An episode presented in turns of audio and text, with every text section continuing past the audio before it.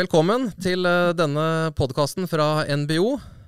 Og velkommen til deg, Adam Reuterswärd fra Spelfriheten i, i Sverige. Tackar, tackar. Tusen tack. Vi Känns jättekul. Det känns utro- kul att vara här. Utrolig takknemlig for å ha deg på besøk.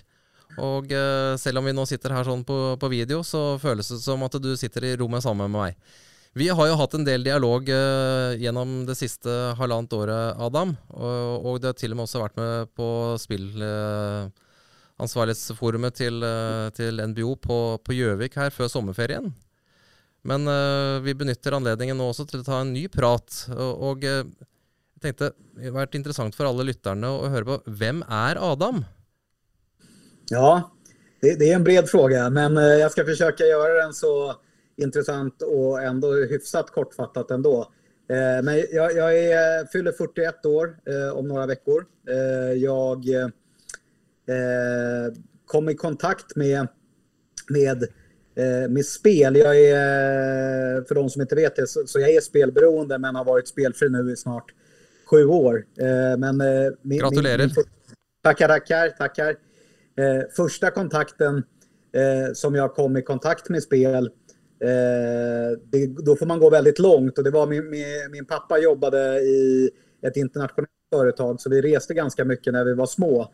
Eh, och, och bland annat så var vi i Las Vegas ett par gånger och där kommer jag ihåg, fast jag var väldigt ung, eh, hur kul och spännande jag tyckte att det var med, med allt som blinkade och alla möjligheter att kunna maximera eh, sin veckopeng till eh, oanade summor, även fast jag var väldigt liten eh, då. Eh, och sen eh, när jag blev äldre och sådär så eh, min spel eh, historik började faktiskt på såna här eh, Jack Vegas-spel, eh, alltså enarmade banditer eh, i, i eh, området där jag växte upp eh, i Bromma i Stockholm. Eh, och eh, jag började spela eh, egentligen bara för att jag tyckte att det var, var, var spännande och när vi var på, på restauranger och åt så, så spelade jag för växelpengar egentligen eh, tillsammans med mina vänner. Och Eh, de tyckte väl inte att det var så kul. Jag tyckte att det var jättekul direkt. Eh, och jag kan komma ihåg också hur många sa så här, kan du inte lägga ner det där spelandet och komma och umgås och sitta och prata med oss? Men jag var, jag var så himla inställd på att jag ville vinna högsta vinsten redan då. Liksom. Och, eh, på den tiden så, så var högsta vinsten 500 svenska kronor. Eh, och, och jag sa till mina kompisar att eh, får jag bara högsta vinsten då kommer jag lägga ner. Liksom. Sen tog det några gånger eh, och, och till slut så vann jag ju den där högsta vinsten. Och istället för att ta ut den och, och, och sätta mig med mina kompisar och fortsätta äta pizza så, så gick jag direkt tillbaka till maskinerna och höjde insatserna och, och spelade mer. Så att, eh, jag tror att jag var 16-17 år där när jag började kliva över den här gränsen och, och bli spelberoende. Så att, eh, det har ju liksom hängt med mig i hela mitt liv. Och sen har det ju varit en, en, en, en berg och dalbana i, i form av att eh, ibland så har jag spelat mindre och ibland så har jag spelat väldigt mycket. Och det har ju färgat såklart mitt liv, min familjs liv och ja, hela min omgivnings liv. Disse her eh, Jack Vegas-terminalene det er spilleautomater det, som eh, var utplassert i, i Sverige. Er de fortsatt ute i, i kiosker og butikker? Ja, inte, i, eh, inte så mycket i kiosker eh, på det sättet. Det är framförallt eh, eh, restauranger och pubbar. Liksom. Eh, och det finns fortfarande spelmaskiner. Og det er nok eh, mange nordmenn som kan kjenne seg igjen i den beskrivelsen der også, med, med spilleautomater som har stått utplassert eh, i, i mange år. Eh, og at det blir introduksjonen til, til pengespill. Men hva skjedde videre da, etter at du, du kanskje ikke fant disse maskinene så interessante lenger? Nej, exakt. När jag liksom kom upp i åldrarna och flytta hemifrån och, och sådär och började gå ut på krogen, då kom jag i kontakt med, med blackjack och roulette och sådana här saker som fanns på nattklubbarna. Och där kunde jag ju satsa betydligt mer och tyckte att det var jättespännande. Och eh, i Sverige där, ja, ja, runt eh, 19-20 års ålder så, så började även pokern började blomma lite, eh, framförallt på internet, men även att det blev lite inne med poker. Och det där var någonting som, som jag verkligen blev, jag fastnade väldigt snabbt för, för poken. Och eh, det, det, ja, jag vet inte, det, det, blev mitt nya intresse. Det var verkligen en grej som, eh, som jag fastnade för. Och just det där att det inte bara handlade om tur utan att det fanns skicklighet. Det, det fann jag mer intressant än, än de här maskinerna. Men jag tror att eh, en grej som kan vara intressant bara så här som när jag tittar tillbaka på när jag spelar på maskinerna. Jag sa ju förut att högsta vinsten var, var 500 svenska kronor. Men jag har något sånt vagt minne av att eh, när jag var lite äldre och så spelade jag på en sån här maskin så fick jag någon bonus eh, då jag vann 3000 svenska kronor. Eh, och då var det i mitt huvud som att så här, det står på maskinen att högsta vinsten är 500 och nu vann jag sex gånger mer. Eh, då blev det i mitt huvud som att så här, jag har någonting som ingen annan har. Det här måste jag liksom eh, bevara väl. Liksom. Eh, och, ja. Eh, men, men, men pokerbiten där, det, det, det, det, som kan vara bra att känna till om min historia var ju också att jag hade ett spe, alltså spelar-Adam och sen hade jag yrkes-Adam. För mig har det varit väldigt, väldigt viktigt att hela tiden vara framgångsrik i, i det jag åtar mig. Så att eh, jag har jobbat väldigt mycket med att när, ja, när jag börjar ett jobb så vill jag gärna bli bäst på det jag gör och liksom snabbt stiga i graderna. Så att jag har varit väldigt sådär karriärsmedveten eh, och eh, jag har väl varit öppen med mitt spelande till den formen av att eh, när jag liksom spelade poker då var det ju liksom ja, det var ju någonting som väldigt många gjorde. Det blev som en pokerboom i Sverige. Det var de största tv-kanalerna visade Pokermiljonen och High Stakes Poker. Och, eh, jag tror till och med att eh, ett sånt här pokerset i en sån här aluminiumväska det blev årets julklapp eh, något år liksom i Sverige. Så att eh, det, det kändes som att alla skulle spela poker eh, även på fredagskvällar och lördagskvällar i hemmen. Liksom. Och jag tror också att den personligheten som jag visade upp eh, när jag spelade poker för vänner och kollegor och det var ju den pokerspelaren som hade kontroll.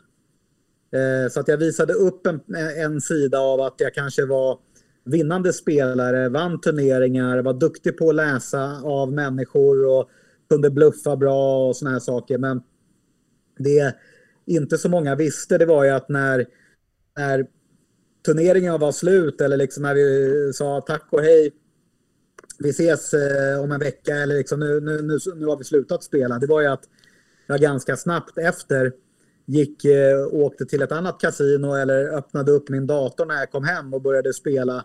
Och, och där spelade jag ju på en helt annan stil än, än vad kanske eh, familj och vänner kände till. Så jag är liksom, eh, så länge jag kan komma ihåg så har jag aldrig egentligen kunnat hantera vare sig vinster eller förluster. Utan så fort jag har vunnit en en turnering eller haft en liksom bra rush på cash game bord och såna här saker, då har det alltid känts så här, det här räcker inte. Varför satsade jag inte mer? Jag måste... Jag hade alltid bråttom på något sätt. Och det blev ju på något sätt så att, ja, eh, det spelade liksom ingen roll hur mycket jag vann eller förlorade utan eh, eh när jag, eh, essensen av att vara spelberoende är ju att vi aldrig blir nöjda. Och då slutar det ju tyvärr bara på ett, ett sätt och det är ju att till slut så tar ju pengarna slut liksom. Kan jag spørre deg om eh, den största gevinsten du har fått någon gång? Den största vinsten eh, enskilt som jag har fått är en och en halv miljon drygt. Eh, vid ett tillfälle liksom. Svenska kronor. Men till slut också, hur mycket pengar var det du hade spilt bort? Totalt sett eh, under hela min period så jag har liksom ingen koll eftersom jag är ändå så här. Ja, jag har spelat sedan jag var 16 Eh, och väldigt mycket av mina löner, eh, bonusar på jobbet och lån och så här. Alltså, så det är svårt att veta exakt hur mycket. Men man kan väl säga att sista, sista återfallet eh, där, där jag fick extremt stora konsekvenser och började spela för pengar som inte ens var mina. Eh, i, I det återfallet så tror jag att det rörde sig om kanske 10 miljoner eh, som jag spelade bort. Och eh, du har fortalt mig tidigare Adam, och det är att du, det gått, gick ju så långt att du till och med måtte bli satt in i fängelse på grund av detta här sån. Stämmer inte det? Ja, exakt. Det var ju, man tänker så här, jag brukar alltid prata om så här kraschlandningar. Eh, Och att en krasch, det är när jag som spelare har hamnat i ett hörn då jag framförallt inte kan få fram mer pengar för att kunna spela och vinna tillbaka allting som jag har förlorat. Och ja, luftslottet håller på att ramla. Och sådana där kraschlandningar, det har jag väl haft en fyra, fem stycken sen jag var 18. Och eh, det här som du pratar om nu Karl Fredrik om påföljden när jag hamnade i fängelse, det var ju den sista kraschen. Eh, då, eh, då jag fick konsekvenser som jag aldrig trodde att jag skulle få. Liksom. När jag började spela, eh, om man tänker på eh, där när jag var 18, 19, 20 på, på poker just. Och liksom, det var ganska glamoröst och det var en hobbyintresse och man hade kul. Jag hade ju aldrig kunnat tänka mig att många, många år senare så, så skulle jag liksom vara i en rättegång där jag hade spelat bort massa pengar som inte var mina. Det, det hade jag ju inte i min vildaste fantasi liksom. Men jag tror att det, det finns alltid en ny botten. Eh, varje gång jag har kraschat så har jag ju alltid känt så här, jag ska aldrig mer spela. Eh, jag har svikit mig själv, jag har svikit min familj. Eh, jag som är så duktig på mina jobb och allt sånt, nu sitter jag i en jäkligt jobbig sits eh, och det kommer ta många år att fixa till den ekonomiska skadan. Så det har alltid varit så att jag liksom gått in efter en krasch med att det här ska inte hända igen. Men jag har heller aldrig tagit mitt beroende och min sjukdom på allvar. Så att det har alltid varit att jag har gjort alldeles för lite insatser i förhållande till eh, hur mycket tid jag har lagt på att hamna i mitt beroende. Och jag tror att det var det som var anledningen till att här nu sista återfallet Eh, Eh, då, då blev det eh, för första gången så, så, så, drev jag ett företag som också gick eh, väldigt, väldigt bra. Så det fanns väldigt mycket pengar i omlopp. Och, och då hamnade jag i en sån period och jag hade varit spelfri i, jag tror att det var typ två och ett halvt år den här vevan. Och livet händer, eh, en relation eh, började liksom knaka i fogarna. Eh, och, och, generellt så när, när livet börjar gunga så är jag överlag ganska dålig på att hantera mitt känsloliv. Och eh, det blev på något sätt som att eh, det där känslolivet kom i gungning och jag kände att någonting måste jag få göra.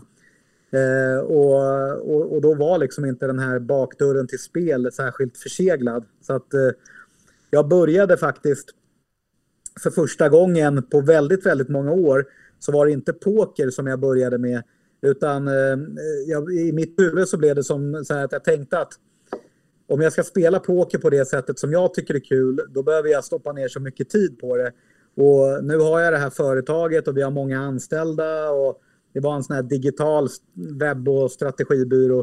Eh, så att jag tänkte så här, men jag prövar nätkasino. Det ser man på liksom, reklamen så mycket. Så att jag, jag började spela nätkasino och vann ganska snabbt en, en, eh, en årslön i, i Sverige på en ganska liten insats. Och, eh, jag kommer ihåg den där känslan att direkt när jag vann den så kände jag så här i hela bröstet och i hela kroppen.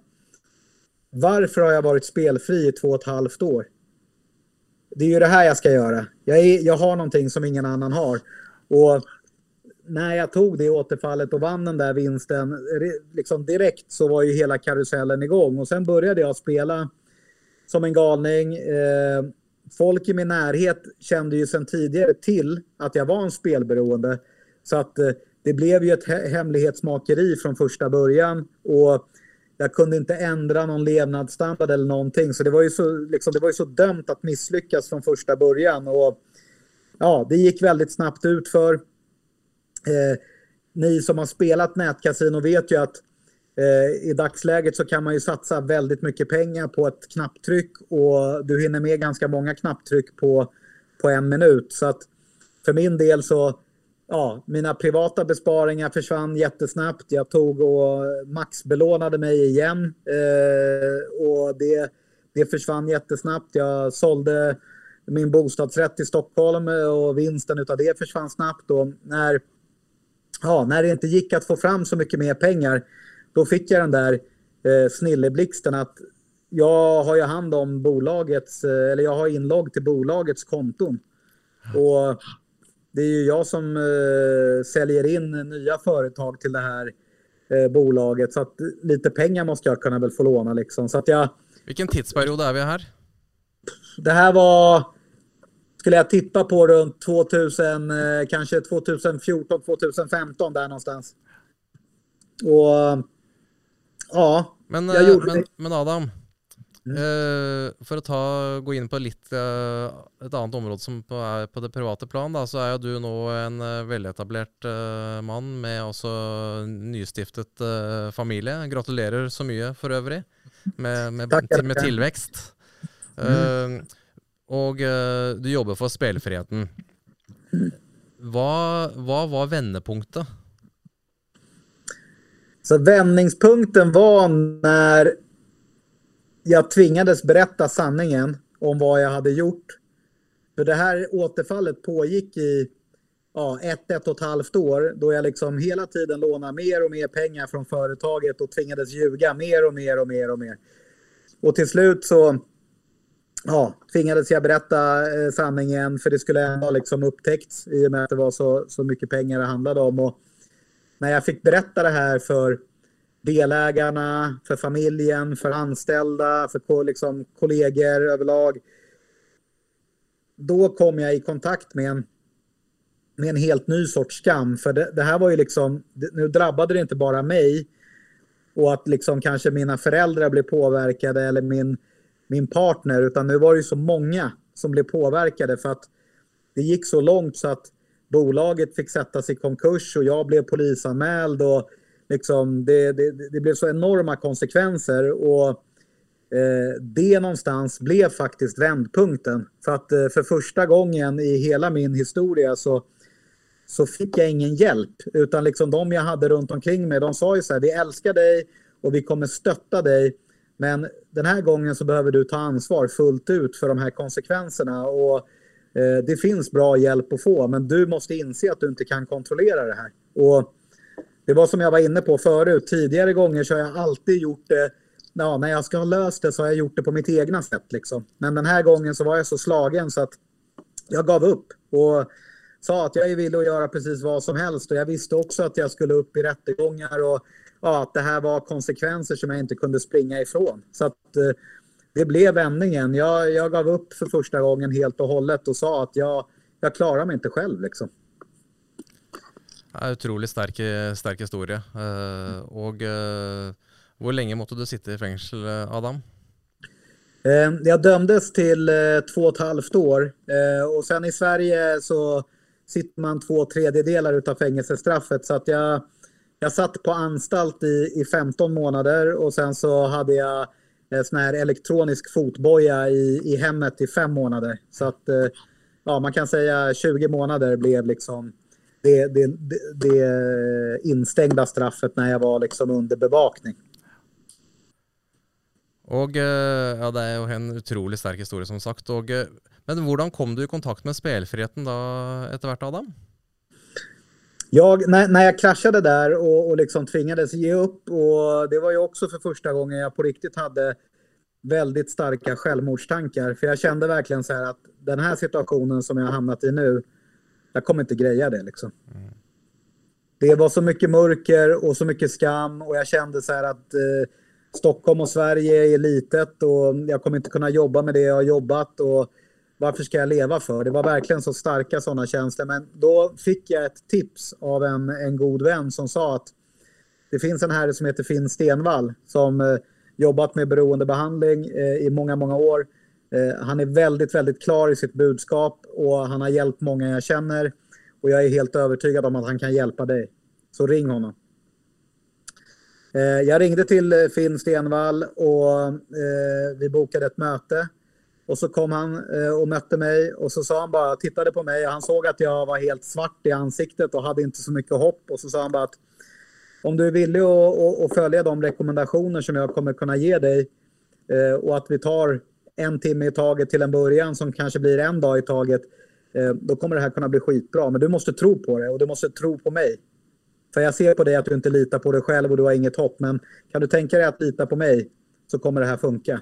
Och han var så enkel och klar i sitt budskap så jag hade liksom inget, det fanns ingen eh, anledning att inte tro på honom. Så att eh, det var så egentligen jag kom i kontakt med eh, Finn. Eh, och Finn är ju den personen som idag är behandlingsansvarig på spelfriheten. Så att, eh, det var så, så det började. Och sen när jag eh, gick i behandling hos Finn och kom i kontakt med andra spelare i, i olika grupper och liksom jobbade väldigt mycket med mitt beroende och, och gick tillbaka till ja, varför började jag spela och liksom kollade på trauman, både medvetna och undermedvetna trauman.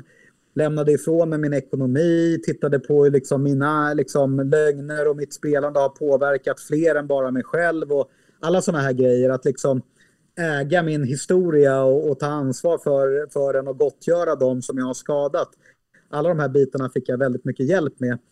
Och eh, när jag hade liksom fått upp, jag tror att det var kanske ja, eh, ett och ett halvt, två års spelfrihet eller något sånt där, då, eh, då var det i Sverige på väg att bli klassat som en sjukdom. Alltså att spelberoende skulle klassas som en sjukdom.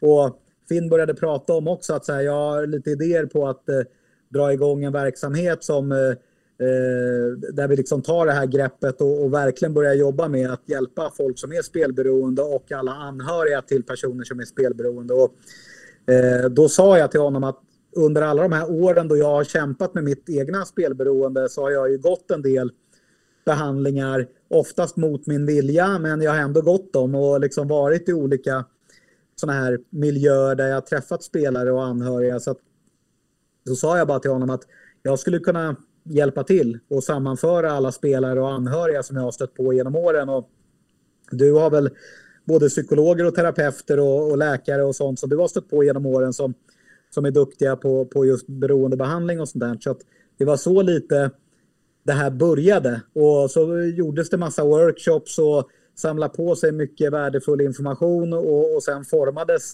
egentligen ett eh, skräddarsytt behandlingsupplägg som har skapats av då beroendeterapeuter, spelare och anhöriga där liksom fokuset har varit att försöka verkligen ha en lösning som motsvarar problemets art och omfattning från början till slut. Och, det, och det kom ju igång i 2017, är inte det riktigt? Ja, exakt. Det började eh, formas i, tror jag, mitten av 2017, men sen så slogs dörrarna upp för spelfriheten där, vi, där det togs emot klienter, behandlingsklienter, det var från och med 1 januari 2018 när, när lagen klubbades igenom och, och det skrevs in i hälso och sjukvårdslagen. Liksom. Och från 1 januari 2019, för att ta ett litet steg vidare, Adam, så, så valgte, alltså för det då, så valgte då svenska politiker att, att reglera om spelmarknaden i Sverige från ett klassiskt monopol till en, till en licensmodell. Mm. Og eh, forut for denne omreguleringen så, så var jo Spelfriheten eh, også klare i sin tale at de støttet denne omreguleringen. Eh, og, og, det kan jo for nordmenn da kan det være virkelig litt kontroversielt. med bakgrunn også i at du har en organisasjon som er bygd opp med de menneskene som du nå akkurat refererte til. Men kan du si noe om Altså, hvordan har det da gått etter omreguleringen i Sverige? Og ikke minst uh, spelfrihetens uh, sitt arbeid nå? Mm. Ja, alltså jag skulle kunna säga så här att uh, det, det, är väl egentligen att från början när, när det började bli tal på att det skulle bli en, en omreglering den situationen som vi hade i Sverige då, det var ju att det var vilda västern. Alltså bland alla spelbolag. Det var hur mycket spelbolag som helst som pluppade upp. Det var ju eh, Svenska Spel och som kontrollerade marknaden i Sverige. Och eh, alla de här internationella spelbolagen började blomma upp höger till vänster. Så att det var hur mycket reklam som helst och eh, det, det, det, är liksom... Ja, man hoppade runt mellan bolagen och, och, det blev liksom nästan som krig. Vem hade de bästa bonusarna och, och sådär. Så att det var, det var ju verkligen en, vad ska man säga, en ohållbar situation. Och eh, om man tänker på det här att, att kunna ta och, och, och ge ett konsumentskydd och, och liksom jobba med ett, ett eh, spelansvar eh, som liksom omfattar hela Sverige. Eh, det, det, var helt omöjligt. Eh, och om man då tittar på när, när monopolet slopades och eh, den här lagstiftningen trädde i kraft eh, så det var väl egentligen det som låg till grund för våran del att vi från början ställde oss väldigt positiva till att eh, marknaden skulle avregleras för att vi menar på att eh, alla bolag, och, alltså om man nu hoppar lite då, eh, om man skulle hoppa ifrån spelbranschen, men så här, bolag i sin helhet. Eh, alla bolag eh, gör ju det som är lagligt möjligt.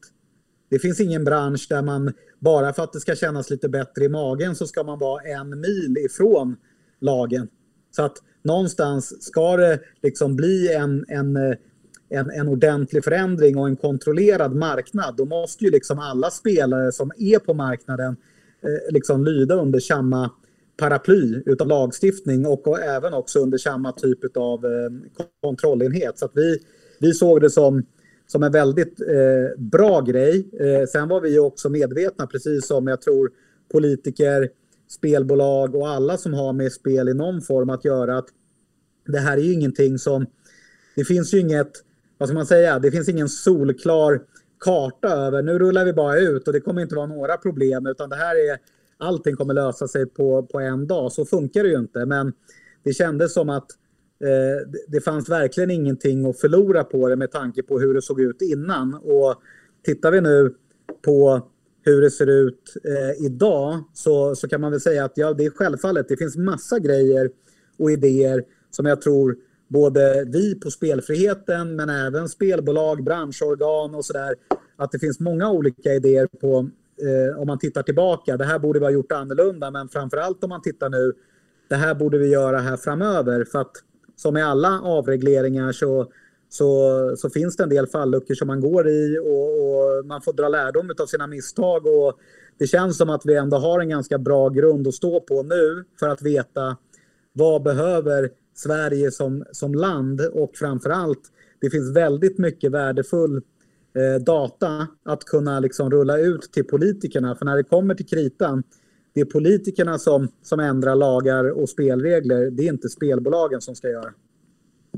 Nej, det är helt riktigt. Och, eh, jeg syns jo en intressant opplysning er at Statskontoret kommer ut med en, eh, en, eh, rapport som visar att uh, antall problemspillere har ikke økt fra 2018 til, til 2021 i Sverige. Uh, det ligger vel på ganske på det samme nivået. Uh, og der, der, ligger jo en uh, eller, hva si for noe, i, i alle de land som før de har omregulert, en, en, stor frykt for at man skal se en veldig stor økning i, i problemspilling når man regulerer om da, et marked. Men tilbake til, til spillfriheten da, og det arbeidet dere gjør i dag. For dere er vel da, slik jeg forstår det, en av de ledende organisasjonene på dette området i Sverige. Eh, eh, ja, hur många hänvändelser får dere i löpet av månad? Det ligger väl i runda slängar på, eh, om man tänker på de senaste åren här nu då, så mellan liksom 600 till eh, närmare 1000 hjälpsökande varje månad som hör av sig till oss.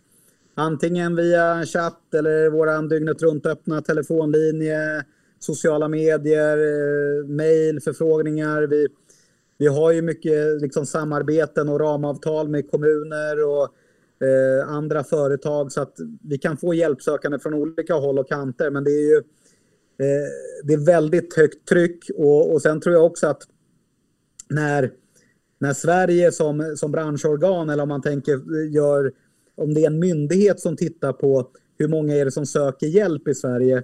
Det bygger ju väldigt mycket på att man skickar ut frågeformulär och så är det upp till vilka som svarar. Vi som är ett, eh, ett, enskilt, ett enskilt företag och som jobbar liksom mycket med marknadsföring, eh, strategier, samarbeten och sådär.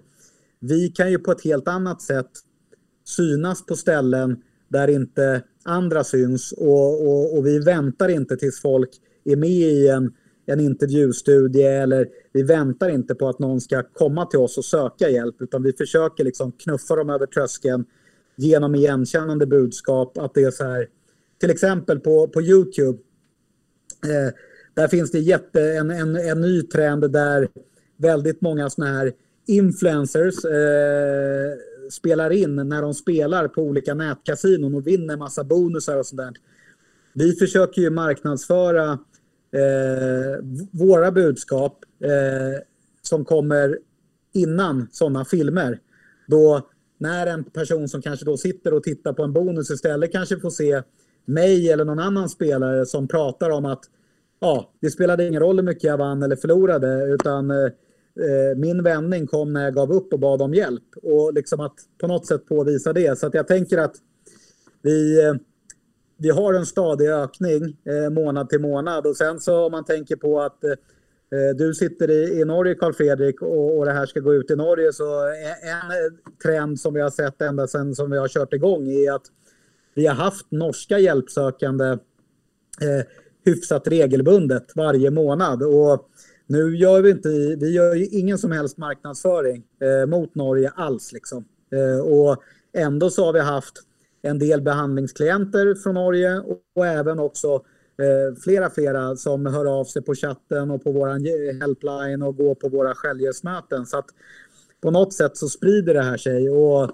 Eh, vi har ju pratat om det många gånger, Karl Fredrik, men jag tror att det kanske började med att vi vi har ju ändå ett sånt stort utbyte mellan Sverige och Norge genom arbetare och sånt där. Så att jag vet ju att vi har haft många svenska spelare som har åkt över till Norge och börjat spela och så kanske de pratar om vad de fick hjälp i Sverige. Och i och med att vi förstår varandras språk så, så är det ju det är inte en så stor brygga liksom, eller någon stor mur att, att komma in till oss och få hjälp.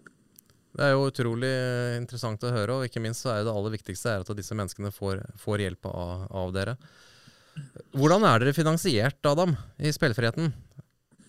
Eh, ända från första början så så, så har avsikten... Eh, Finn Stenvall är ju han som har grundat Spelfriheten och eh, det är ett aktiebolag i Sverige och, och, och sådär. Så har det ända från första början haft en, en, en tanke med att vi... Eh, det ska vara självförsörjande på det sättet att vi inte ska söka bidrag från staten för att det här ska liksom funka utan att eh, eh vi har trott så mycket på att vi har en behandlingsmodell som funkar och, och, och, som verkligen är någonting som behövs. Så att, eh, vi har fått, vad ska man säga, växa långsamt i början. Eh, och, och, vi som jobbar på spelfriheten, alla är ju eldsjälar och vill verkligen göra skillnad. Så att redan från första början så, så har det varit eh, privatinvesterade pengar eh, och sen har vi växt organiskt. Liksom. Eh, sen självfallet så har vi ju genom åren, ibland till exempel, eh, vi har eh, vissa företag som har kunnat säga så här, vi tycker att det ni gör är kanon. Finns det någon möjlighet att eh, ge er en donation och hjälpa er att kunna marknadsföra till exempel er dygnet runt öppna hjälplinje så att fler får hjälp. Sådana här saker. Men, Eh, och det tar vi ju tacksamt emot. Men eh, i grunden så kan man säga att vi, eh, vi, vi, vi, söker inte liksom bidrag på det sättet utan eh, ja, vi, vi försöker ha en organisk tillväxt. Veldig, veldig bra. Og, og det tar meg til uh, eh, Vi nærmer oss slutten her sånn, uh, eh, Adam. Og, og det, er, uh, det, det er jo det arbeidet som dere gjør. Det må jo være Altså, det må jo være OK at også spillfriheten skal kunne være en kommersiell aktør. Og jeg syns det er interessant at dere da ikke mottar penger fra det offentlige.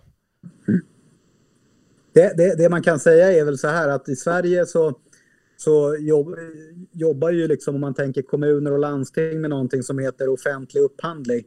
Och där har vi valt istället att vi är med i de offentliga upphandlingarna och liksom trycker på det som vi upplever. Det här är det vi har som är unikt och i väldigt många upphandlingar så har vi blivit godkända och gått vidare. Så att eh, där kan vi ju få klienter den vägen. Eh, och, och, vi tror på att hellre att ha, ha lite is i magen och växa lite långsammare kanske för, för det ger en helt annan trovärdighet och det ger också en styrka i, i det vi gör liksom, på ett annat sätt. I Sverige så är det två branschföreningar och, och en av dem heter ju SPER. Uh, og uh, jeg syns jo det er uh, både interessant og, og litt morsomt. Og, og, det er at når da man regulerte om markedet i Sverige, så fant da monopolistene, altså Svenska Spel og ATG, veien sammen med bl.a. Uh, Betson og, og Common, og er organisert i samme forening. for å snakke med én felles stemme opp mot bl.a. politikere og interesseorganisasjoner. Men hvordan er det med spelfriheten? Snakker dere med eh, spelbolagen, for å bruke det svenske ordet, spillselskapene? Har dere noen dialog med dem? redan från första början så har vi sagt så här.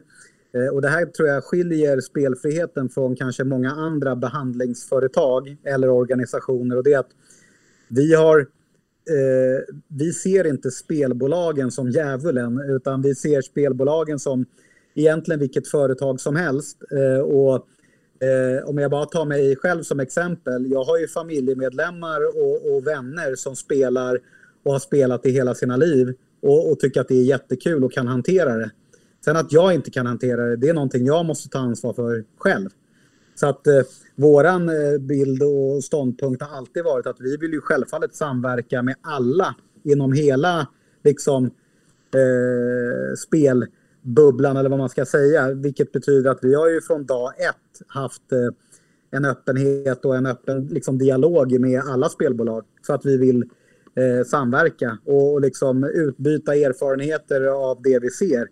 Eh, och ja, i dagsläget så, så, så jobbar vi med, med, med den typen av utbyten med, med, med flera spelbolag och försöker titta på vad ser vi för någonting, den här baksidan vi ser, Eh, hur kan de eh, liksom bli bättre på det de gör och, och på något sätt så, så, så, tror vi att eh, ska vi kunna göra en ordentlig skillnad så behöver man samverka. Liksom. Och, eh, på något sätt så mm, spel kommer inte förbjudas helt och hållet och det kommer alltid finnas spel. Eh, och då hade det varit väldigt dumt att liksom inte vi som ser baksidan pratar med de som är operatörer. Liksom. Så att eh, vi samverkar. Ja, för det är ju det det handlar om till, till slut. Och det är ju det att hjälpa till mot eh, att folk ska få spelproblem. Och, och det kräver dialog. Mm. Da uh, tror jeg vi skal eh, gå inn mot landing. Adam, är det något du har lust att säga helt till slut?